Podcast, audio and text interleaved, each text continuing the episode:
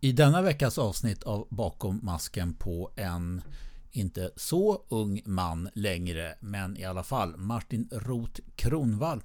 En kille som drivs av en stark passion för fäktning men i hans ledargärning så finns det passion för andra saker också än bara för fäktningen för att driva en klubb och för att bygga någonting i en klubb med en tanke bakom om att faktiskt ta hand om sina medlemmar och fostra dem till att bli inte bara fäktare utan också människor.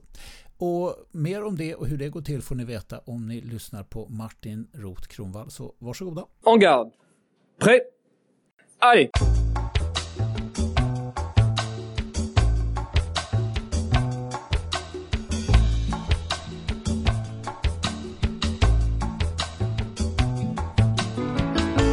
Hjärtligt välkommen till Bakom masken på Martin Roth Kronvall. Tack så mycket Henrik. Ja. Igen. Nu igen, vi ska göra det här. Det här är andra gången vi gör en intervju. Ja. Ja, därför att den första, då hamnade vi i en fäktsal där det pågick sabelfäktning. Ja, det var hög, högljutt. Och dessutom högtalarupprop. Mm.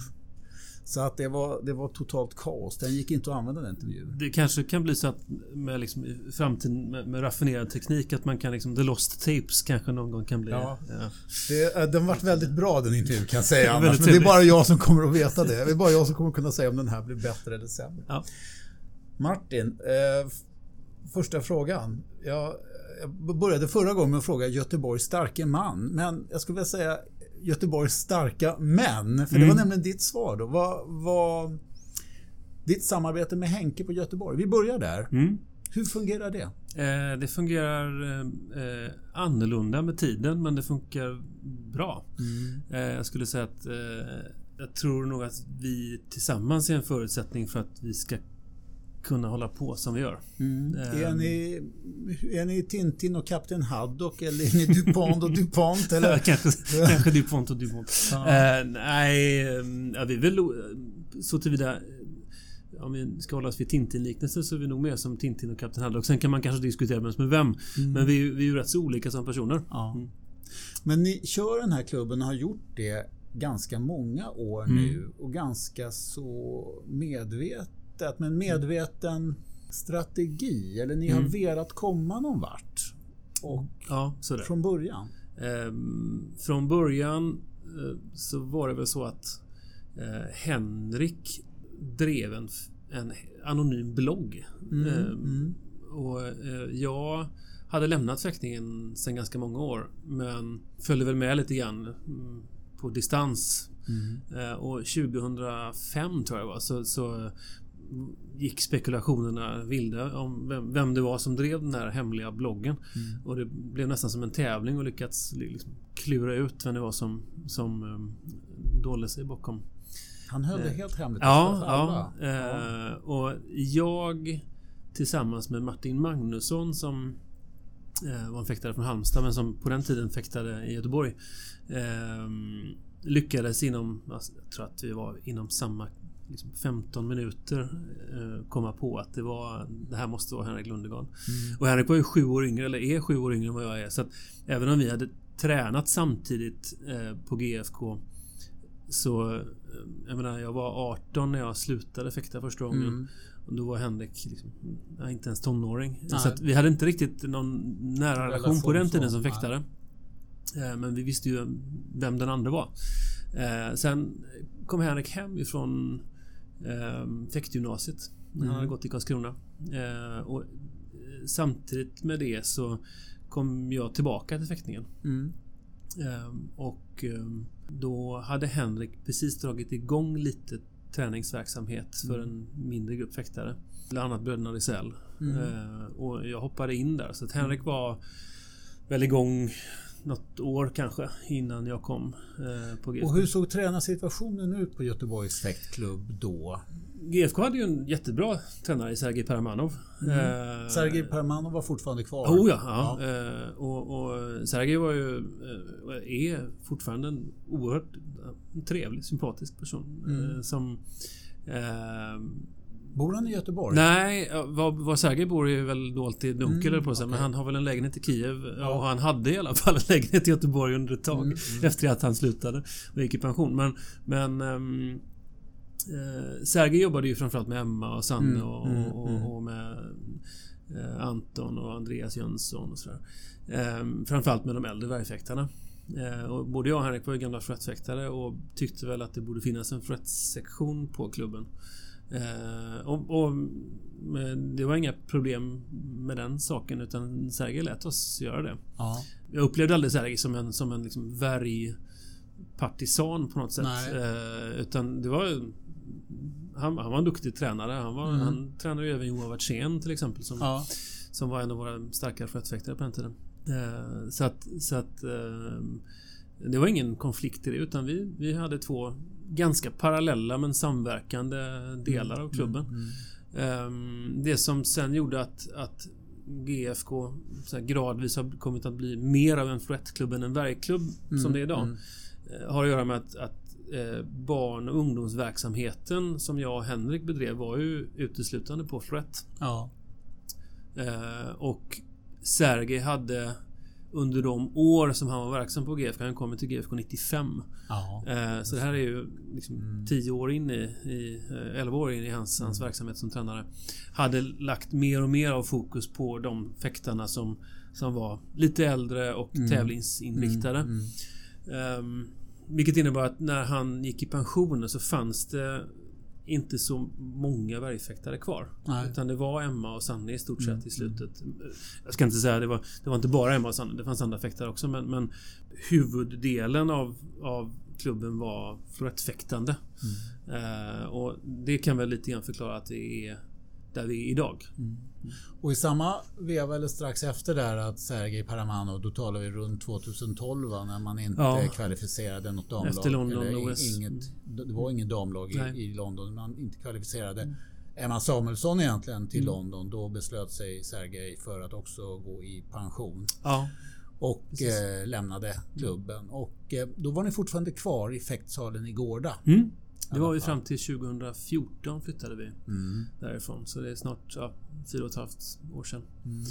En jättefin lokal. Jättefin Sveriges lokal. finaste effektsal. Ja, den var vacker. Ja. Den var vacker. Den hade ett, ett, ett äh, äh, dåligt golv. Äh, hade den. Det var mm, halt. Mm, Men det var, mm. det var alltså en lokal längst upp i en gammal industrifastighet med stora fönster i alla väderstreck. Stora ytor. Mm, mm.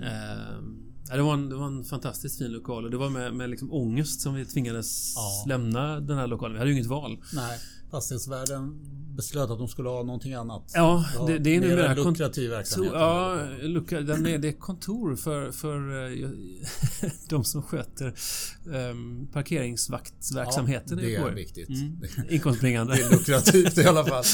Och den, men den här fina lokalen, det är den som du eh, så att säga hade din huvudsakliga träning under din uppväxt? På Gårda ja. ja, ja. Jag, jag, kom in till Gårda. GFK flyttade dit 1985-86 tror jag. Ja. Då hade jag inte börjat på GFK än utan jag började på PFK, Partille Effektklubb. Eh, som var en farmarklubb till GFK. Och flyttade väl in till GFK kanske 1989. Okay. Mm. Någon gång. Ja. Men det där att man fick den här lokalen, det var ju att man fick den här fina fäktzonen på Gårda. Det, det var ju lite grann ett, ett eh, kommunen som... Ja, det, man kan väl säga att det kan vi tacka Bruce Springsteen för. Ja. Därför att det var... GFK höll till i, i en källarlokal på Nya Ullevi. Mm. Och 1985 så Uh, hade Bruce Springsteen uh, en stor konsert uh, på Ullevi där publiken hoppade sönder fundamentet. Mm.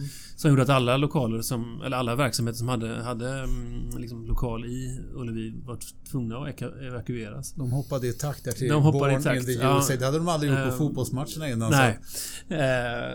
och det föranledde att vi fick flytta till väl vad som egentligen var reservlokaler tror jag från början. Mm. Men som sen blev permanenta. Eh, och till en ganska kraftigt reducerad hyra. Mm. Så för GFK var ju den flytten från Ullevi till Gårda eh, ett enormt lyft. Jag tror att man gick från tre eller fyra pister till att ha ja. nio fullängdpister. Ja. Och full bredd dessutom. Eh, men hela lokalen var på 720 kvadratmeter mm. så det var en stor effektsal. Du, eh, Partille. Mm. Det var där du började? Det var där jag började. Mm, ja. 1986 var det. Och hur gick det till? Det gick till som jag var... Eh, Partille eh, är ju fortfarande känt för Sävehofs handbollsklubb. Och alla ungar spelade handboll. Eh, inklusive min storebror, han var fem år äldre. Han var en duktig handbollsspelare. Eh, så det var liksom självskrivet att det var där man skulle hamna. Eh, jag var då tyvärr en, en bollrädd, visade det sig, när jag kom till min första handbollsträning. Eh, tämligen dålig lagspelare dessutom. Mm. Är det någon som brukar få stå i mål? Ja, ja min storebror stod faktiskt i mål. Han var en duktig målvakt. Ja. Ehm, men Eh, om man är bollrädd så är inte det alldeles idealiskt att stå i mål. Um, och nej, jag, alltså, jag kände första träningen att här, det här är inte min miljö. Alltså. Mm. Det här, jag passar inte in. Um, och vill inte kanske passa in heller. Och uh, la fram den åsikten till min mamma och pappa. Eh, men den gick inte riktigt hem. Så har man liksom signat upp för en termin så, så slutför man en termin. Så min mamma tvingade mig att gå kvar. Eh, men jag är också en ganska villig stark person så jag insåg att jag kan ju liksom låtsas gå till träningen. Så mamma kör mig till, till träningslokalen, Portalaskolans gymnastikhall. Eh, jag låtsas gå in, hon kör iväg, jag går ut. Och sen så sitter jag och väntar på att när träningstimmen ska passera. Jag går in och, och fuktar händerna i ett handfat och vätter ner håret så att det ser ut som att jag har svettats. Och så, så kan jag liksom klara mig. Och det där pågick ett par veckor. Eh, det var inte särskilt kul att sitta utanför men det var bättre än att vara på handbollsträningen tyckte jag. Eh, men jag, jag, började efter ett par veckor liksom utforska de andra i liksom hallarna, salarna och korridorerna i den här ganska stora anläggningen. Och hör vid något tillfälle liksom ljud ifrån en källarlokal. F-hallen nere i bottenvåningen på portarna. Eh, och gick dit av nyfikenhet. Det var sånt där klingelljud. Eh, och, och dörren stod lite, lite grann på glänt. Jag kikade in och precis när jag tittar in där så, så står den gamla effektmästaren i Göteborg, Elof Gustafsson. Och har uppställning. Han var ju gammal reservofficer, mm. gymnastikdirektör. Mm. Eh, hade uppställning med sina fäktare mm. eh, inför träningen. Och precis när jag kikar in så vänder han sig om och ser att det är någon som står i dörren. Eh, och tror väl först att jag är en av hans elever som är sen till träningen och ryter i liksom med sin reservofficersstämma att jag ska ställa mig i ledet. Mm. Och, eh, jag var ju en ganska modest, blyg eh, 7-8-åring så jag ställde mig i ledet. Eh, och han insåg väl att det var ett misstag men låtsades inte om det och jag fick härma de andra. Eh, och sen eh, påpekade han väl att nästa vecka så kan du komma i tid. Träningen börjar klockan sex. Mm. Mm. Och det gjorde jag. Eh, och sen efter ytterligare ett par veckor så tyckte han kanske att jag skulle prata med mina föräldrar. Mm. Eh, och i och med att jag hade löst den här situationen på ett så ja, bra sätt mm. så lät min mamma mig gå kvar. Okay. Sen visade det sig faktiskt att hon var bekant med den som var ordförande i Partille fäktklubb var ja. gift med eh, min favoritdagisfröken visade det sig. Jaha. Så att det fanns en sån här... Eh, eh, fanns ett band som jag inte hade någon koll på. Mm, mm. Eh, men men eh, det hela passerade och jag fick fortsätta och Elof som var en jättetrevlig eh, tränare som också hade Björn Väggö faktiskt ja, tror jag ja. i början. Eh, skickade in mig till, till GFK sen efter ett par säsonger. Men det var då Manuel Florett i Partille Manuel år, från åtta års ålder och sen så, så småningom fick du börja åka jag gjorde min första tävling som inte var manuell florett. Eh, det vill säga, jag åkte till Halmstad på laxträffen tror jag kanske mm. det hette. Eh, 1989. Mm. Eh, jag minns att jag ringde hem från någon fritidsgård där vi nattade över eh, och eh, hade en fundamental hemlängtan och ville att mamma skulle komma och hämta mig, vilket hon inte gjorde. och att jag vann tävlingen faktiskt. Ja, ja, okay. I, i Halmstad. Mm. Min första elektriska tävling. Men din mamma är gammal... Hon är gammal rektor. Rektor, mm. så hon vet hur... Som, ja, ja hon, hon, ska, hon vet hur man ska tukta.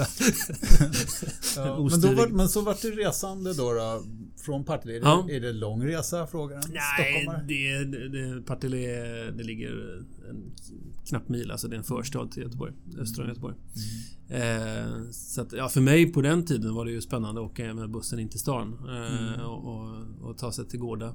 Och, eh, kändes kanske som en lång resa. Det är ingen mm. jättelång resa. Mm. Men du började tävla ganska mycket ganska tidigt. För sen mm. tog det inte så många år förrän du var på hög nivå ändå. Eh, som kadett junior, ja. Eh, jag tävlade mycket.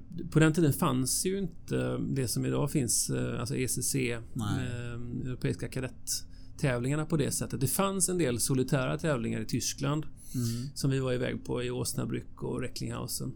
Eh, Men steget efter det var egentligen juniorvärldscuptouren. Mm, Eh, mm. Så att ganska tidigt, 92-93 tror jag att jag gjorde mina Ja. liksom, första Och då juniorvärldscuptävlingar. är du 16, 17? Då är jag, jag är född 78 så att Mm. eh, ja, Mm. 15, 14, 15, 16 någonstans Ja. där. Mm.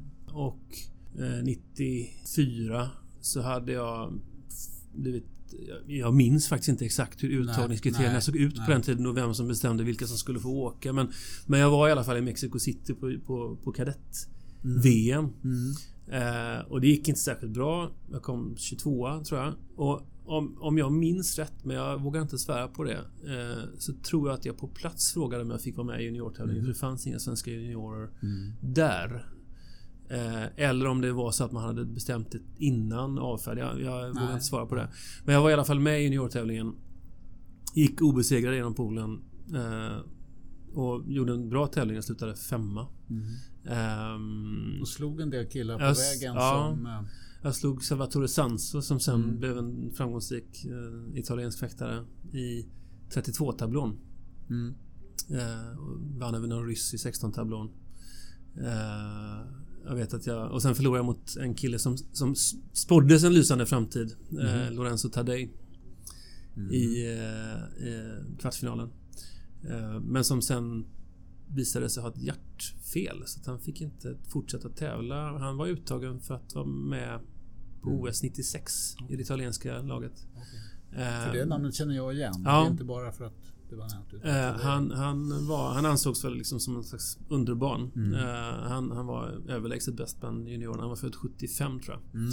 Ehm, men han eh, fick avbryta sin fäktkarriär, tyvärr. Vilka, vilka ledare hade du med dig i Mexico City? I Mexico City... Ja, jag vågar inte svara vilka som var på plats ifrån Sverige. Eh, Jag, jag reste med den kanadensiska truppen för att jag tränade mycket i Kanada. Eh, och hade en tränare därifrån som, som var den som coachade mig på plats.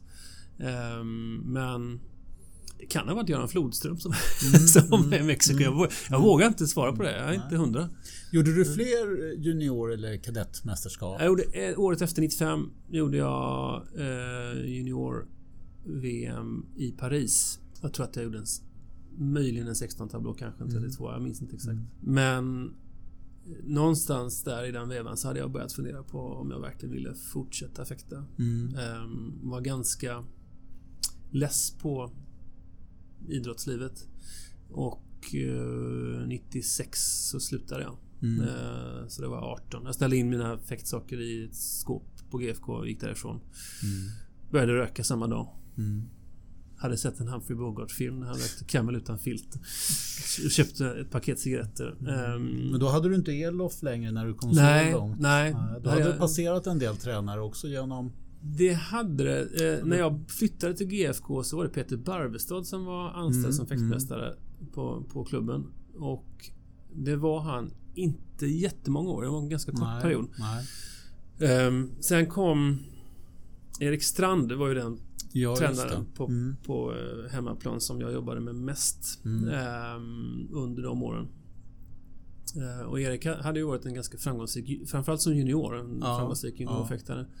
Ehm, Ja, och han, han var ju ganska ung. Jag var väldigt ung. Mm. Han var väldigt bra för rättfäktare. men Han var hyfsat bra på värja också. Ja, ja. Speciellt som, som junior då. Ehm, han... ehm, sen tror jag att anledningen till att han överhuvudtaget ställde upp som värjfäktare från tid till annan, det var nog liksom någonstans för att to prove a point. Så att, Ja. att, att liksom, jävlas. Så på den tiden så var så var konfliktytan mellan vapenslagen tror jag betydligt sårigare än vad den är idag. Mm. Ehm, och, och jag tror Det handlar nog inte om att Erik ville bli en bra värjfäktare utan det handlar nog snarare om att liksom försöka visa att fäktare kunde fäkta värj också. Jag, jag tror att det var en sån. ehm, men Erik var den som, som drev. Han startade liksom en, en ganska driven grupp fäktare. Mm. eh, Och, och pushade oss. Men han var inte så mycket med på tävlingar. Så Nej, det, fanns okej. ingen, det fanns ingen aktiv coachning Nej. På, på tävlingspisten på det sättet som som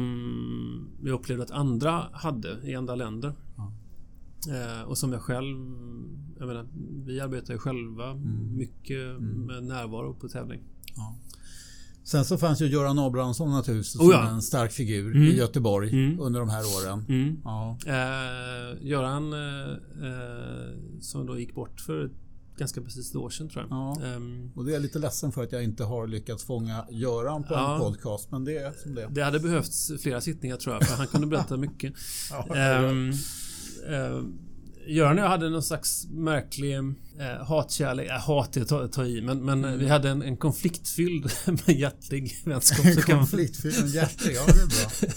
vi, vi bråkade rätt mycket. ehm, och, eh, men eh, mot slutet av hans liv ehm, och under den tiden som jag var, jag var ju ordförande i GFK ett tag också. Mm. Och han hade blivit lite grann en persona non grata i svensk fäktning i allmänhet och inte Mm. minst i Göteborg. Eh, han blev avsatt som ordförande 2000 på GFK. Och när jag kom tillbaka till fäktningen så, så hörde jag mig... Liksom, vi hade ett samtal när jag och han började komma mer och mer till klubben. Mm. Och de sista åren, inte minst efter flytten till den nya fäktsalen, så var han här ett par gånger varje vecka.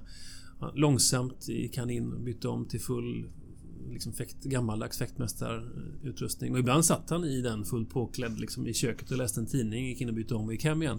eh, och ibland så eh, gav han någon lektion till någon av de äldre fäktarna. Eh, och ibland så satt han och kommenterade liksom, matcherna och sådär. Men eh, bara det att ha en klubbmiljö där, där det som inte bara befolkas av barn och ungdomar utan Nej. det finns äldre människor, vuxna människor och i Görans fall och, eh, liksom, Han var ju snart 87 när han gick bort.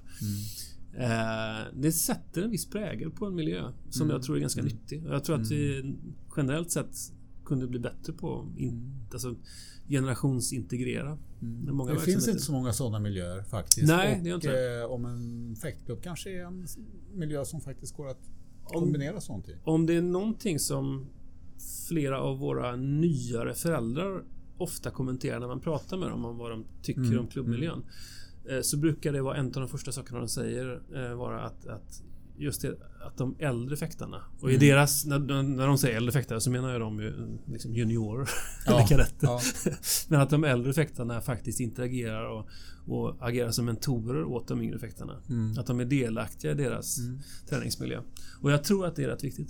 Vi kommer tillbaka till det lite grann. Mm. För att, tänkte fråga, fäktade du någonsin lektioner med Göran Abrahamsson här i unga år? Eller? Nej, inte i unga år. Men när jag, när jag kom tillbaka till fäktningen. tillbaka. För att det var en eh, konflikt där också. Det var, var det mellan Erik Ja. Strand och eh, Ja, de gillar inte varandra. Nej. Ehm, Då Erik tog... Erik eh, tog sitt pick och pack och i hans pick och pack ingick alla fäktare Ja, ja. och stack. och han... han ehm, eh, exakt vad som föranledde den konflikten minns jag faktiskt inte. Jag var ju inte så gammal. Men han tog med sig alla sina elever. Och flyttade till Partille du, hamnade du Så jag hamnade tillbaka eh, liksom i Partille från att ha flyttat till Göteborg från Partille. Så var jag tillbaka i Partille igen. Och han eh, drev liksom det som en, exklus- liksom som en florettklubb. Mm. Eh, och sen gick det några säsonger och sen så var, tror jag det där liksom Så gick det över. lades den konflikten och då blev alla göteborgare igen. Men jag vet att Göran, Göran var ju... Han, han, han var ju Värj liksom... Han gillade Värja. Värja var hans vapen. Ehm, skulle han behöva välja en sak att lyfta fram i sin egen idrottskarriär så tror jag det var det egna SM-guldet i Värja 71. Så då var han ändå 40 år när han vann det. Ja. Och han hade vunnit SM i, i, i florett och var en liksom duktig mm. florettfäktare också. Eh, Men Värja var det han tyckte bäst om och jag minns att när jag kom tillbaka från min då i egna ögon fantastiska prestation i Mexico City Mm. som 16-åring eh, så var det en av de första sakerna han sa till mig att ja, nu är det dags att börja fäkta på riktigt. Underförstått, nu, nu är det dags att byta vapen. Vilket jag inte alls var intresserad av. Så att vi hade en ganska frostig relation när jag var tonåring. Ehm, men han var ju åtminstone han var ju ärlig och rak med Ja, var han stod. ja. Ja. och det får man ju ge honom. Det var han även i slutet. Men någon lust att byta över till Värja hade du inte då? Så, Nej, inte då. Nej. nej. så att när du kom fram någon gång 97, 18 års ålder, då kände du att this is not for me Mm. Nej. anymore? Nu får det räcka. Ja. Ehm, och ehm, det var väl i samband med att jag tog studenten också året efter. Mm. Ehm, jag, jag tyckte väl att jag saknade liksom dels en systematik och en organisation runt mig på hemmaplan som, som kändes utvecklingsbar. och sen... Jag menar, det är en ålder när folk väljer att mm. göra annat plötsligt. Mm. Mm. Och finns det inte en, en, en, en, stark miljö som håller en kvar, som, som erbjuder någonting mm. för en person som är på väg in i vuxenlivet som känns intressant eller utmanande. Alldeles oavsett på vilken nivå man ligger som, som idrottsperson. Eh, så tror jag det är lätt att man tappar folk där. Och det var mm. ungefär det som hände. Eh, men det fanns många anledningar till att jag, till att jag liksom valde att sluta. Men, men jag skulle säga att eh, vi... Det fanns både push and pull effekter tror jag. Mm. Eh, och jag ville väl liksom göra Men annat också. Har du, du har själv idag lätt att komma ihåg vad, vad du tänkte då som 18-åring? Och varför du, eh, vad, vad det var som fick dig att, att, ta det här beslutet och känna att det här var inte kul längre? No, Eller nej. Är, det, är det här någonting som du har återberättat för dig själv? Minns du känslan också och kan applicera den på de, på de ungdomar som du har här i verksamheten idag själv? Jag tror att den verksamheten... Det är inte så att vi har folk som... Att, att vi saknar folk som slutar fäkta. Det händer nej, ju på GF nej. också. Mm. Eh, men eh, jag tror att vi är bättre på att tidigare kommunicera till våra aktiva i den mån de känner att de börjar tappa liksom gnistan. Mm. Att fäktningen kan vara värd att hålla kvar vid av andra skäl än att bara bli världsmästare. Mm. Alltså när man mm. kommer upp i 17-18 års ålder och känner att jag kanske inte har den tiden, den talangen, den förmågan som krävs för att bli liksom, bäst i världen på det här. Mm. Så är det dags tycker jag som att sitta ner med en sån elev i tid. Mm för att lyfta fram alternativa vägar som gör att idrottandet är meningsfullt. Mm. Dels har du den sociala gemenskapen men sen så har du också nätverkandet som ett aktivt idrottsliv kan mm. innebära. Mm. Eh, fäktning är en idrott som lockar människor från massa olika delar av samhället. Eh, som har ofta intressanta liksom, yrkesvägar framför sig. Att, ha, att bibehålla det nätverket av vänner både från den egna klubben men också från andra. Mm. Kan vara oerhört värdefullt när man tar steget ut i vuxenlivet. Um, sen det allmänna välbefinnandet att idrotta. Och det kan man göra. Nu har vi valt att organisera verksamheten här så att man kan faktiskt träna med sina bästa kompisar även om de fortfarande har ambitionen att bli världsmästare och jag inte har det så kan vi fortfarande träna tillsammans. Mm. Skillnaden kommer vara att de tränar oftare. Mm. Uh, jag kanske bara kommer in en gång i veckan. Uh, men då ska jag vara minst lika välkommen som alla andra är. Mm. Och det är en ganska viktig princip för, för, för, eh, för oss här att Jag hade så sent som förra veckan ett samtal med en kille mm. som nog kände precis så. Att nu, jag orkar inte det här liksom. Jag vill inte, jag vill inte tävla mer. Um, och, och, och, att, att då kunna erbjuda honom en möjlighet att Men du vet vad? Du får ha kvar din lektionstid. Ja. Om du vill ha den. Mm. Du kommer in på torsdag en gång i veckan. Vi kör en lektion. Du är kvar på kvällen, du kör ett gympass och så fäktar du med den, med den gruppen som du tycker att du vill fäkta med. Mm. Och, och då känner jag, kan vi ha kvar honom tills han är 22? Mm. Och han fortfarande kommer in en gång i veckan. Eh, och fortfarande bidrar till den träningsmiljön som är hans. Mm. mm. Så är han extremt värdefull för oss. Mm. För vi har alldeles för få fäktare mm. i, mellan 20 och 35. Som, som är vuxna och som kan bidra till en sund liksom, idrottskultur och vara en, en alternativ sparringpartner till de som faktiskt vill då bli riktigt bra. Mm. Hade det funnits eller fanns det någon som kunde ha haft ett sånt samtal med dig? Eller hade du själv varit mottaglig för ett sånt samtal den gången? Eh, om jag, när jag frågar mitt minne mm. så skulle svaret vara nej. Mm. Men jag vet att till exempel Erik mm. eh, skrev ett brev till mig. Mm. Som jag hade helt förträngt. Men jag mm. hittade det för det är något halvår sedan eller år sedan som jag, mm. jag, jag höll på att flytta om lite saker hemma och hittade ett brev från Erik Strand. Där han i punktform men på ett väldigt ömsint mm. sätt eh, förklarar för mig varför jag borde fortsätta fäkta. Mm. Så det, det gjordes ju uppenbarligen försök. För jag hade ju kvar mm. det där brevet. Upp, ja, uppenbarligen var det så viktigt att jag hade sparat det till och med i, i min brevsamling. Så att det var någon åtminstone som noterade att, att det var liksom att jag hade tacklat av. Mm. Och som ville försöka få mig tillbaka. Ja. Eh, sen så lyckades inte det. Eh, så att jag, jag skulle ljuga och säga om, om jag säger att det inte fanns liksom en miljö som, som brydde sig överhuvudtaget. Mm. Det, det gjorde det uppenbarligen. Mm. Eh, sen är inte jag säker på att jag hade fått den frågan om det inte hade varit så att jag var ansedd som en, som en lovande och talangfull fäktare. Mm. Hade jag varit en medioker fäktare som inte hade presterat några resultat så jag är inte säker på att den frågan hade ställts. Men det är Men det, det är ju så, det kan man konstatera. Alltså alla, alla behövs ju i en fäktsal. Så är det. Mm. Och, och den andra vägen att gå är inte bara som fäktare. Man kan bli domare, man kan bli tränarassistent, man kan bli styrelseledamot, man kan bli... Ja. Sa, han kan bli en väldigt duktig sekreterare. ja det, de behövs. Men då eh, slutade du 97 och sen så gick det några år. Mm. Mm. Och då hade du hunnit vara i USA ett tag. Ja, jag var... Eh, bodde ju tidvis i USA, eh, i Texas. Eh, under, ja, från millennieskiftet och framåt egentligen. Jag hade ju inget arbetstillstånd eller sånt där så jag, jag eh, bodde ju tre månader i taget och, och åkte hem. Läste lite grann på distans hemma. Jag läste ju sammantaget sju och ett halvt år i, på, på universitetet och ehm, Eh, ibland läste jag dubbel liksom heltid, ibland läste jag kvartstid och sådär. Så jag var ganska... Visste nog inte riktigt vart jag ville ta vägen. Eh, men mycket av studietiden var jag i USA, men jag studerade på Göteborgs universitet hela tiden. Mm. Mm. Mm. Mm. Men där var jag. Mm. Vad läste du på, vad var det då du läste lite grann på distans? Mm, jag läste historia, Ja. eh, jag läste religion, jag läste pedagogik, Mm. jag läste mentalitetshistoria. Mm. Jag tror jag läste genushistoria också. Ja, Mm. jag, jag, jag, För så småningom så, så blev du historielärare? Va? Ja, min yrkesexamen är lärare i historia och kulturhistoria faktiskt. Ja. Mm.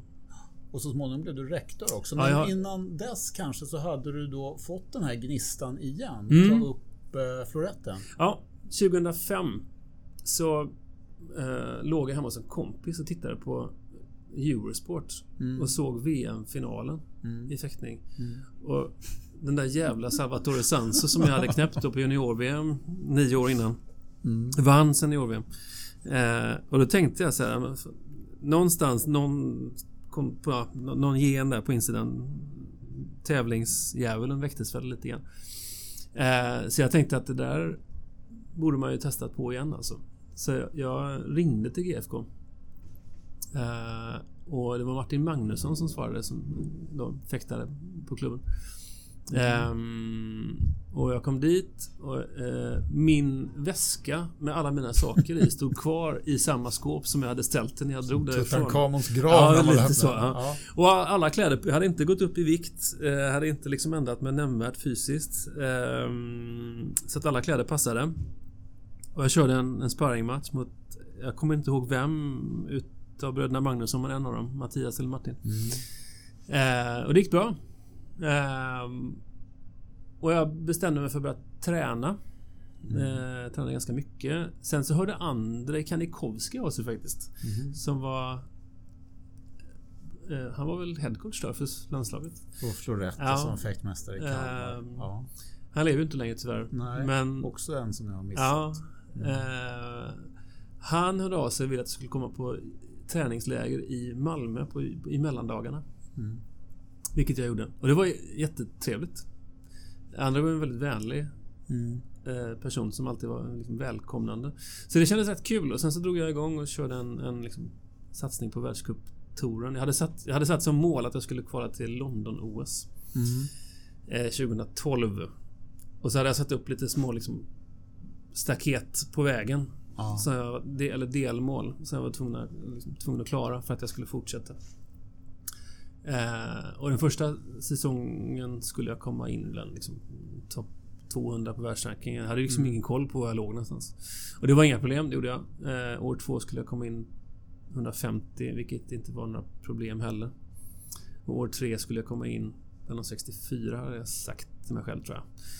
Eh, Det är ett bra hopp där. Ja, det var ett bra hopp. Det är ett svårt hopp. Jag jag landade på 81 plats på världsrankingen tror jag. Mm. Ehm, så jag bommade lite grann. Jag, hade, eh, jag gjorde någon världscup kvartsfinal. Gjorde jag. Ja. Ehm, 2008 tror jag det var. Mm. Ehm, men eh, det räckte inte till och det hade jag ju bestämt mig för att jag skulle sluta. Ja. Ehm, så att jag, då slutade jag. Samtidigt så var det så att då hade det arbetet som jag och Henrik hade påbörjat i Göteborg börjat bära lite frukt Mm. i den meningen att det var... Vi hade en generation fäktare som, som var ganska drivna, ganska Mm, duktiga. Ehm, det var innan Henrik hade gjort sitt snusvad med Ja. bröderna Risell och Julius Martin. Men det var... fäktade du lektioner med Henke då? Alltså? Nej, nej, nej, nej. Jag tog inte lektion av någon. Eh, Jag hade någon enskild lektion med Göran faktiskt. Mm, Ehm, och någon enskild lektion med Sergej. Men nej, jag tog inte lektioner av någon egentligen. Jag, jag sparringfäktade och tränade Mm. bara ensam. Mm. Eh, och det hade det säkert varit nyttigt att ha någon, Mm. någon annan. Mm. ehm, som, som kunde komma med liksom tips. Men sen så hade jag ganska bra kompisar internationellt. Lawrence Halstead som numera är, Mm. är, är sportchef i Danska fäktförbundet. Fäktade ju på den tiden för brittiska landslaget. Mm. Eh, vi lärde känna varandra eh, och är fortfarande bra vänner och Ja, mycket utbyte av varandra. Um, fanns en dansk fäktare som hette Alexander Jörgensen som jag också reste ofta tillsammans med. Mm. I och med att vi kom från små nationer eh, och inte hade liksom så mycket till organisation runt omkring och så hjälpte vi varandra. Det var... Släkt med Patrik Jörgensen? Nej, det är han inte. Nej, okej. Utan det är en annan Jörgensen-familj. Men, Mm. men ehm, eh, vi, vi hjälptes åt. Vi Mm. liksom, Mm. Alexander brukade skoja säga, vi var ju på Kuba några gånger tillsammans på världscupen där och han brukade säga Fanman, vi är världens fattigaste jättis. Eh, och det, eh, Alexander själv vet jag smugglade cigarrer från Kuba för att finansiera sina resor Mm.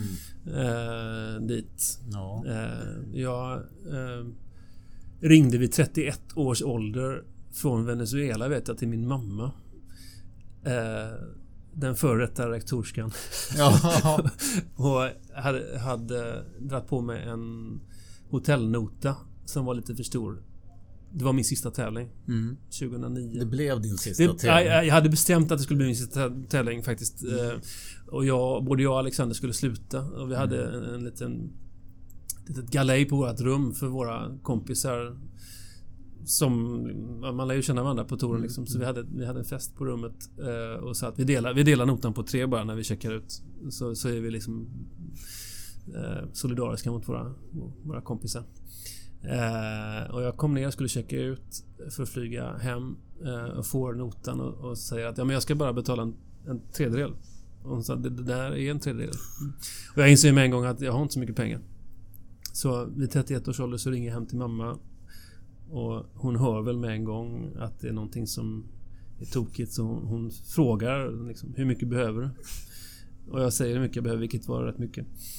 Eh, och hon sa att Martin, det här är sista gången som jag hjälper dig att finansiera fäktning. Mm. Eh, så ja, ja Har mamma fått fullt betalt? med. Hon fick betalt. betalt. Ja, jag åkte hem, eh, landade i Paris, flög vidare till Göteborg, var hemma i en dag. Flög till Tromsö, rensade fisk i sex veckor. Mm. Eh, och betalade tillbaka min skuld till min mamma. Mm. Eh, och jag hade lite pengar över. Ja, det var- skönt att höra. Ja. Men alltså då, då hade Henke börjat då Ja, Henrik? Henrik eh, började jobba ideellt ska man säga. Ja, ja. Ehm, För det var så vi började båda två. Eh, ideellt 2005-2006 någonstans där. Mm.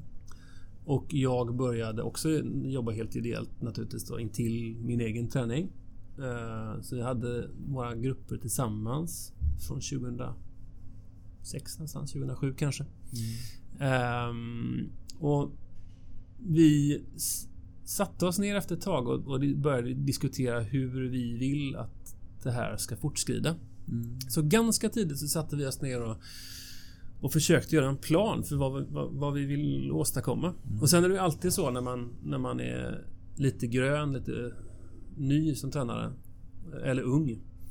Att man tror att den eleven som man jobbar med just nu Ja. är den som ska bli Mm, mm. bäst i världen.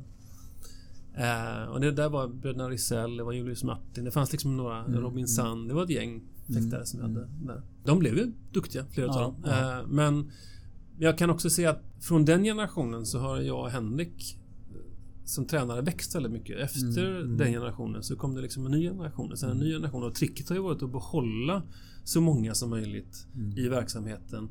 Och idag, jag satt och pratade med Johan Hermenberg för bara en liten stund sedan och vi Mm. diskuterade just hur klubbkultur kan byggas. Så jag ser ju att idag när man börjar som fäktare på GFK vid 7, 8, 9, 10 års ålder så kommer man in i en miljö där det finns fäktare både på på kill och, och, och eh, tjejsidan. Från nybörjarålder upp till liksom Mm, elit. mm. Eh, hela vägen i en obruten kedja. Och det hade vi inte 2006. Nej. Eh, utan de fäktarna som vi hade då, de hade liksom bara sig själva att fäkta emot, att sparra emot. Och Idag kan du faktiskt liksom förlora matcher hela vägen till, till seniorålder om du vill det. Mm. Eh, och det, det, det behövs för att man ska kunna utveckla riktigt Mm. konkurrenskraftiga fäktare. Om du tittar mer än bara rent idrottsligt, vad var det mer för filosofi då, då kring byggandet av en klubb som ni drog upp som riktlinjer där? Vad var det ni Ehm. hade med mer? Alltså det är lätt att romantisera en del saker när man tittar tillbaka Det, på hur, ja, hur det är GFK lätt var. att efterkonstruera Ja, också ja. varför det blev som det blev. Ja, Mm. eh, men jag vet att både jag och Henrik hade nog upplevt både de positiva och mindre positiva sidorna av GFK så som det var när vi var yngre. Mm. Men som många idrottskulturer så fanns det ett visst mått av penalism. Mm. Mm. I GFKs fall så var den... Jag ska inte, jag, eftersom jag inte har så mycket erfarenhet av andra idrottsmiljöer men, men i vissa fall var det nog folk som for rätt illa. Mm. Eh, jag tror att jag och Henke klarade oss ganska bra. Vi var nog liksom rätt morska och hyggligt duktiga. Vi var lite kelgrisar hos tränarna. Mm. Eh, jag minns att jag vid något tillfälle var uthängd i fötterna utanför fönstret på omklädningsrummet på Gårda och det var ju trots allt 10 meter upp i luften åtminstone. Så det, jag, det var inte så att man gick helt... Bleknade ju till och med Djurgården fäktning i... Ja. Eh, Det förekom den typen av saker. Och det sa jag och Henrik att så, det vill vi inte ha. Nej. Vi ska inte ha en miljö som, som fostrar liksom den typen av, av liksom kamratuppfostran som, som existerar på den tiden. Eh, sen var det faktiskt så att i takt med, eller i samband med att vi fick vår första tjej Mm. eh, som var Esther Schreiber. Ja. Eh, det är möjligt att det fanns någon enskild innan men det var inte många tjejer på Nej. GFK. Eh, så satt vi och funderade på hur vi bygger den sociala strukturen. Och, och det var ganska uppenbart att killarna hängde i omklädningsrummet. De umgicks och de pratade och de skojade och de Mm, socialiserade i omklädningsrummet. Och där kunde ju inte hon delta. Ehm, Så hon var liksom lite utanför. Och då vet jag att då sa vi att samlingen är inte i omklädningsrummet utan samlingen är i köket på klubben. Det, det, det är dit man kommer innan träningen. Mm. Eh, I omklädningsrummet är man bara när man byter om. Och det innebar någonstans att då, då fick vi in henne i den sociala miljön. Och sen så kom det en tjej till och helt plötsligt så... De var ju dessutom ganska duktiga. Mm. Mm. Eh, och då funkar det liksom inte de här grabbiga skämten om att liksom skoja om damfäktning. Nej. Därför att då fick de helt enkelt stryk killarna när de kom ut på pisten sen. Ehm, så att det byggde bort lite grann av den här uppdelningen och jag tror någonstans att alla kände att det var roligare att vara tillsammans. Mm. Sen så var det så att vi, vi bestämde tidigt. Vi ska ha föräldramöten, vi ska ha utvecklingssamtal, vi ska ha liksom en verksamhet som i allt väsentligt liknar en skolverksamhet. Ja. Eh, sen har det idag vidareutvecklats. Vi har läxläsning och vi har liksom... Jag sitter just nu i ett studierum till exempel. Ehm, så idag så har vi nog hamnat i ett läge där är man aktiv fäktare i allt ifrån liksom mellanstadiet upp till gymnasieuniversitet så kan man komma till GFK direkt efter skolan. Man kan göra sina läxor där, man kan få läxhjälp om man vill. Man lagar sin mat i köket, man äter här, man tränar här Mm. och sen går man hem. Så det är väl någon slags blandning av fritidsgård och idrottsskola. Liksom. För den som är själv uppvuxen i, en, i ett bergrum utan fönster Mm. så tycker jag att den här lokalen är nästintill idealisk. Mm. Den, är, den är, har väldigt många positiva fördelar utrymmesmässigt. Ja. Den, den är alldeles utmärkt lokal för fäktning. Mm. Men det var ju en traumatisk flytt då från det här underbara Oh ja. vackra Gårda som kanske hade några nackdelar, några skönhetsfläckar. men det var inte helt lätt för er att flytta för några år Nej, sedan. det var tungt. Ja. Det var, det var tungt på många sätt. Det var, dels var det ekonomiskt tungt. Mm. Eh, och sen så var det ju eh, att vara den liksom, eller de personer eh, som leder liksom Exodus. Det kändes ja. lite tragiskt. Eh, men eh, och dessutom då hamna i en källarlokal. Kändes lite visset och jag var lite rädd för det faktiskt. Mm. För att mm. jag har alltid varit en person som lätt drabbas av lite höstdepression. Så här, på. Mm. det är bra i en källarlokal. Ja, Man alltså, ser det inte i alla fall. Det är lustigt att det är precis det som hänt. Jag har inte varit höstdeprimerad sen vi flyttade. Mm. Därför att jag går till jobbet någon gång på förmiddagen, 9-10. Promenerar genom Haga, det är dagsljus. Eh, tar en kopp kaffe på vägen. Eh, går ner i källaren. Kommer upp någon gång vid ett, käkar lunch. Då är det fortfarande ljust. Till och med på liksom svensk midvinter mm. så är det ljust klockan ett. Och sen går jag härifrån någon gång på kvällen. Och då är det mörkt. Men då ska det vara mörkt. Så jag ser liksom aldrig det här skymningsljuset vid 3-4 tiden. Och jag har faktiskt mått utmärkt av mm. den här flytten till källaren. Men jag har ju bra belysning. Mm. Mm. Alltså det är vita mm. väggar, mm. mycket yta för ja. att sätta upp anslagstavlor mm. och väldigt mycket så här äh, en hel del omtanke i det, ja. i det som sitter uppe på väggar och så. Ja, det, är det. det är mycket tröjor och foton på fäktare. Nuvarande och före detta fäktare. Det är bra omklädnadsrum. Jag så.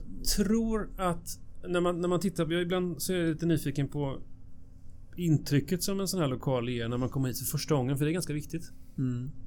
Eh, de som kommer hit för första gången, till exempel som föräldrar med sina barn. Mm. För mig är det viktigt att, att de känner att det här är en miljö där man vill vistas. Mm. Som, är, som känns seriös, men som känns välkomnande. Och att bara en sån enkel sak som att ta bilder på väggarna av andra, av före detta fäktare eller mm. äldre fäktare. Det är... Eh, när, man, när det kommer hit en gymnasieklass och de kommer in i fäktsalen. Det är hälften av eleverna, det första de gör är alltid att gå fram och titta på bilderna av våra gamla fäktare. Mm. De, de, tittar på ansikten. Och ja. människor är intresserade av andra människor. Ja. Eh, så att, att, ha bilder på människor är en liksom, bra grej. Mm. Jag suger åt mig här nu. Vi ska ju ja. själva flytta Djurgården. Ja. Ska vi flytta här. Ni har ju gamla fina porträtt dessutom. Ja, nej vi har inga porträtt. Vänta, har ni inte? Jag har sett en stor bild på Bela Ja, vi har, vi har ja, det är den ni har. Det är det vi har. Precis. Och det hänger, originalet hänger faktiskt inte på vår fäktsal utan olja hänger originalet på Djurgårdens eh, klubbrum ah, okay, på Stockholms stadion. Okay. I det som heter Sofiatornet mm. så har Djurgården ett pokalrum. Och där hänger oljan och sen så har vi en kopia som okay. hänger på mm. fäktsalen. Mm. Mm. Ja, den är fin. Du, jag har eh, ett ord som jag hade antecknat redan inför vår första intervju. Det var mm. ett passionsdrivet ledarskap. Mm. Ni drivs ju mycket av passion du och Henke kring hela, hela åtagandet som ni gör. Mm. Ni följer med ungdomarna både från Både från det att de kommer in här och är ganska små och de kullar ni har haft mm. till att de faktiskt är med hela vägen. Och ibland så slussar ni iväg dem till USA också. Mm. Det har hänt. På vinst och förlust. Mm. Ja, på vinst och förlust. Mm. Oftast på vinst. Mm. Mm. Men, Men det, det, är väl lite grann det du säger, att det är viktigare kanske att skapa en, en människa som får ta sina vägar än att tvinga in dem i en... Du måste vara fäktare på det här viset. Ja, jag tror så här att um, för det första så måste man, även om vi naturligtvis, både jag och Henke är liksom, vi elitidrotts eh, liksom, människor också. Eh, vi vill ha resultat. Mm. Men man kan inte jobba passionslöst. Man kan inte jobba utan lust. Barn kan inte hålla på med idrott om det är tråkigt. Det måste oftare vara roligt och stimulerande än det känns jobbigt. Mm. Um, sen är det ett privilegium tycker jag att få arbeta långsiktigt. Uh, nu har jag ju och Henrik, vår första generation elever, de är idag unga vuxna. De är 24-25 någonstans. Att få ha följt dem under så lång tid och fortfarande få förmånen att vara deras vänner mm. uh, är otroligt berikande och det i sig är en drivkraft. Att få följa med på den här resan från 9, 10, 8 års ålder upp till, till mm. vuxenlivet. Mm. Det är otroligt roligt. Mm. Eh, och man kan ibland se mönster hos en 13-14-åring. Som säger men det här, kan, det här kan bli bra. Och man kan också se med lite perspektiv att man har varit orolig för saker som inte alls behövde kännas någon oro för. Mm. Eh, så jag tror att jag har nog blivit lite, lite mindre neurotisk som, som ledare. Mm. Eh, eller som tränare. Är inte riktigt lika snabb på att reagera på någonting som känns kanske lite ja, vans, vanskligt på något sätt. Utan jag kan låta det gå lite längre. Men skulle jag sammanfatta liksom, min pedagogiska grundsyn så, så, tycker jag så här. Vi äger inte våra elever. Mm. Eh, de, de, måste fostras att bli egna människor. Mm. Och en tränarrelation, en tränare-elevrelation är ju per definition ligger, det finns ju en hierarki i den här relationen. Där tränaren på något sätt är överordnad. Och det kan jag, kan jag köpa, så måste det vara när man är mm. vuxen och man jobbar med ett barn. Men om man tänker en fäkttränarrelation till en fäktare eh, ska ju gradvis ha som mål att bli att fäktaren ska bli vuxen. Mm. Så någonstans på vägen så måste tränaren, för det är tränaren som måste ta det initiativet om det ska vara lyckosamt tror jag i längden. Ta ett initiativ att, att myndiggöra mm. fäktaren i mm. fråga. Att involvera fäktaren i beslut som tas. Att ta med fäktaren i planering. Mm. Att under lektion bli en samtalspartner i högre grad än någon som lär ut. Som lär ut. Mm. För i slutändan så måste det vara så att vi tillsammans utvecklar fäktarens fäktning. Mm, hitta lösningen. Ja. Ja. Eh, och det, det mm. där... Det är en balansgång för en del, med alla som har jobbat med tonåringar eller alla som har varit mm. föräldrar till tonåringar. Jag vet att de kan vara skitjobbiga mm. ibland. Mm. Och det händer att jag blir, liksom, tappar humöret också. Mm. Men jag har faktiskt medvetet försökt att, att, att inte bli arg i mm. samma grad som jag ibland brukade bli det. Mm. Hur rekryterar ni främst? Vad är er främsta rekryterings... Fäktning är ju egentligen lättsålt. Ja. Eh, jag brukar när jag har gymnasieklasser där, vilket vi har ganska ofta, så brukar jag fråga om någon har fäktat innan. Det är någon ibland som har testat mm. på fäktning. Och då brukar jag säga, jag tror faktiskt att alla här inne har fäktat. Med en linjal på en mm. mattelektion med en bänkgranne. Med en pinne i trädgården mot ett syskon. I olika sammanhang så har liksom det här mänskliga draget att ta, hitta ett redskap mm, och utmana en, en, en liksom fiende eller mm. en kompis på något sätt. På skoj eller på allvar. Mm. Så ligger det, det, konceptet som sådant i allra högsta grad mänskligt. Eh, så att de flesta har provat på det på något sätt. Eh, och att komma in i en miljö där man, där man kan förfina den tekniken och, och liksom, ja. eh, använda eh, liksom, kunskap och, och, och, mm. och, koppla in lite tävling i det så blir det rätt kul. Och barn, barn eh, tycker fäktning är kul. Ja, ja, absolut. Våra problem är att vi ska få hit dem. Ja. Eh, vi jobbar med, med vi öppna hus. Mm. Sen så tycker jag man kan diskutera hur man ska marknadsföra de där prova på-dagarna. Vi har testat lite olika modeller. Nu senast, och det tyckte jag var lyckosamt, så marknadsförde vi på, på Facebook inte som en prova på-dag. Utan som en gratis träning. Mm. Kom och testa en gratis träning. Och det fick ett ganska stort genomslag. Ja, Så jag tror ibland ska man nog bara fundera på vilka ord man använder i sin mm. marknadsföring när man vänder sig till en, till en icke insatt publik. En gratis träning med egen PT. Ja, ja men, men det, det, är ganska attraktivt plötsligt. Mm, mm. Sen har vi gjort en, det har vi börjat pröva nu i år. Eh, det har vi inte gjort innan. Eh, så vi håller på att utvärdera det just nu. Mm. Ehm, börjat att erbjuda inte bara att barn börjar i en fäktskolegrupp. Mm. För det konceptet kan vara lite svårt för föräldrar att förstå. Ja, man kommer till fäktklubben så, så, så tänder de fäktning. Ja. Men när någon ringer idag så säger vi så här, ja vi har vår fäktskola. Den funkar så här och så här. Den kostar så mycket om man går så ofta. Eh, man kan också välja att komma hit och träffa en tränare och ta en individuell lektion. Eh, det kan man fortsätta göra i allt från en gång till tio gånger. Mm. Eh, en lektion pågår en halvtimme. Den kostar sig så mycket. Lektion nummer ett tar en timme för då går vi också igenom hur man värmer upp inför en lektion. Till lektion nummer två så förväntas du komma hit en halvtimme innan och göra din uppvärmning. Med lite handledning. Mm. Mm. Lektionen är en halvtimme och sen så lektion tre så sköter eleven sin uppvärmning själv. Tränaren är klar när lektionen ska börja och så kör man en halvtimmes lektion. Eh, vi har en elev hittills som har gått ifrån genom tio lektioner. Mm.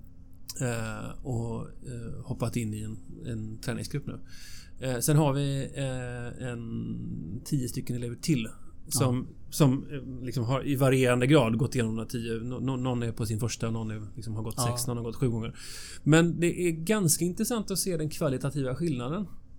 Därför att förhållandevis snabbt så lär de sig fäktningens grundläggande eh, konventioner. Mm. Eh, och eh, Jag tittar på dem när de, när de fäktar nu. Mm. Så kan man se nästan att de som har fått den här initiala kvalitativa insatsen klarar sig lite, lite bättre. Nu har vi ju som sagt vi har jobbat på det här sättet. Det, det, det, mm. det är ett test än så länge. Men um, jag är ganska övertygad om att det är en modell som vi åtminstone kommer ha kvar som ett alternativ. Mm. Sen om vi väljer att men det är en one on one då? One on one, ja. Mm. Och det har ni resurser för att hålla? Um, ja, hittills så har det varit uh, uh, jag eller Linn som har skött dem. Jag har de flesta. Uh, ja, det är en resursfråga. Mm. Å andra sidan så tror jag att um, för att möta barn och. Man behöver inte vara liksom någon slags virtuos Nej. för att kunna göra det jobbet. Däremot så tror jag att det är bra om man, om man har en pedagogisk rutin så att man mm. kan möta det är snarare viktigt att man kan möta barn och föräldrar mm. och kan så mycket fäktning så att man kan säkerställa att grunderna är, är, är bra, korrekta och kvalitativa. Största glädjen, stoltheten som tränare? Vad har det varit som ledare, som fäktledare här de åren? Um, När har du blivit gladast? Jag är ofta väldigt glad faktiskt. Mm. Men gladast sa han Det kan bara vara en gång. När blev du gladast? Um, ja, det var en svår fråga. Mm. Uh, alltså det, det, är så olika med, med de här sportsliga framgångarna kan ju ibland vara liksom... Mm. De kan ju vara väldigt liksom, lite euforiska. Jag vet när, mm. när um, när någon har vunnit liksom något ungdoms-SM för första gången eller när man har vann, vann lag-SM eller... Mm. Jag var glad själv när jag var liksom, när jag var, mm. kom femma på EM. Det var kul. Mm. Eller junior-VM.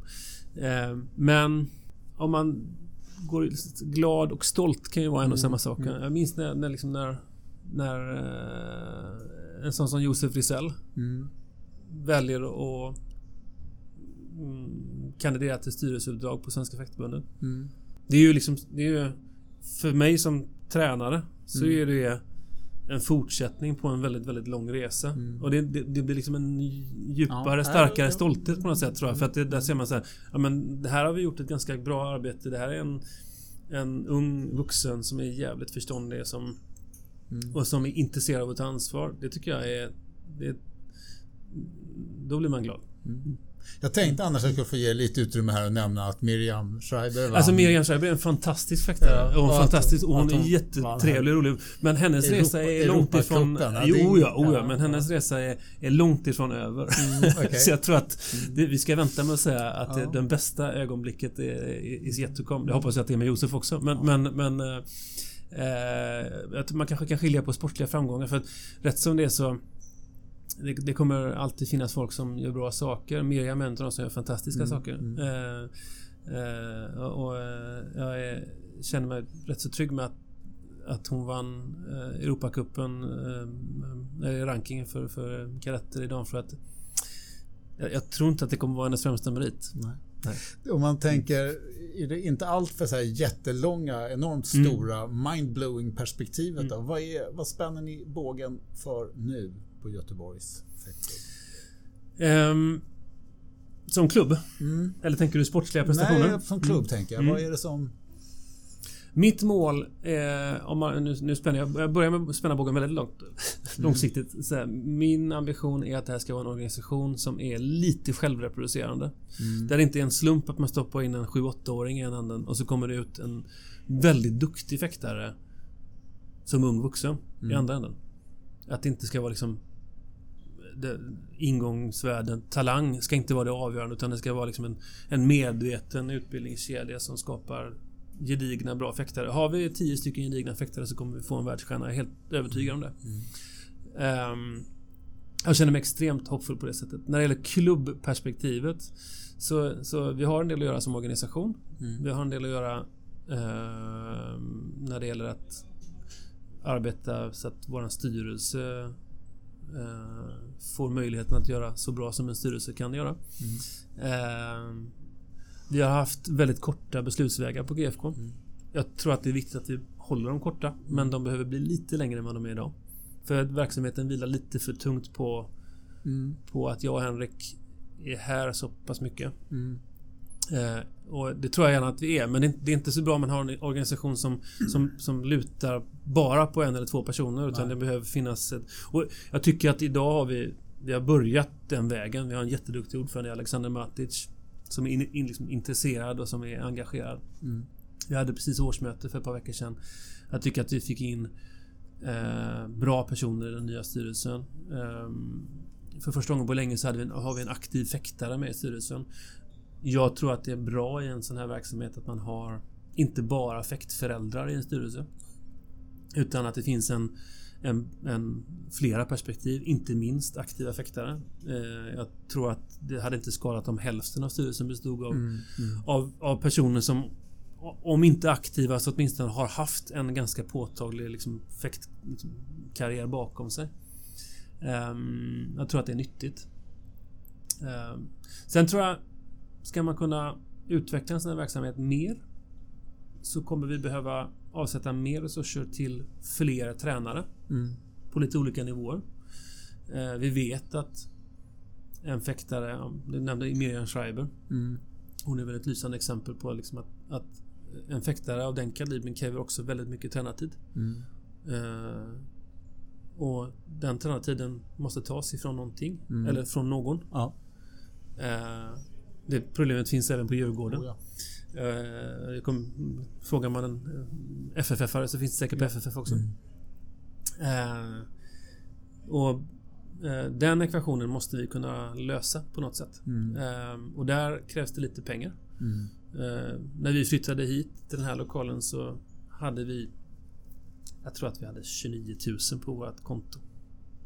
Mm. I en verksamhet som kräver kanske 130-140 000 i månaden. Mm.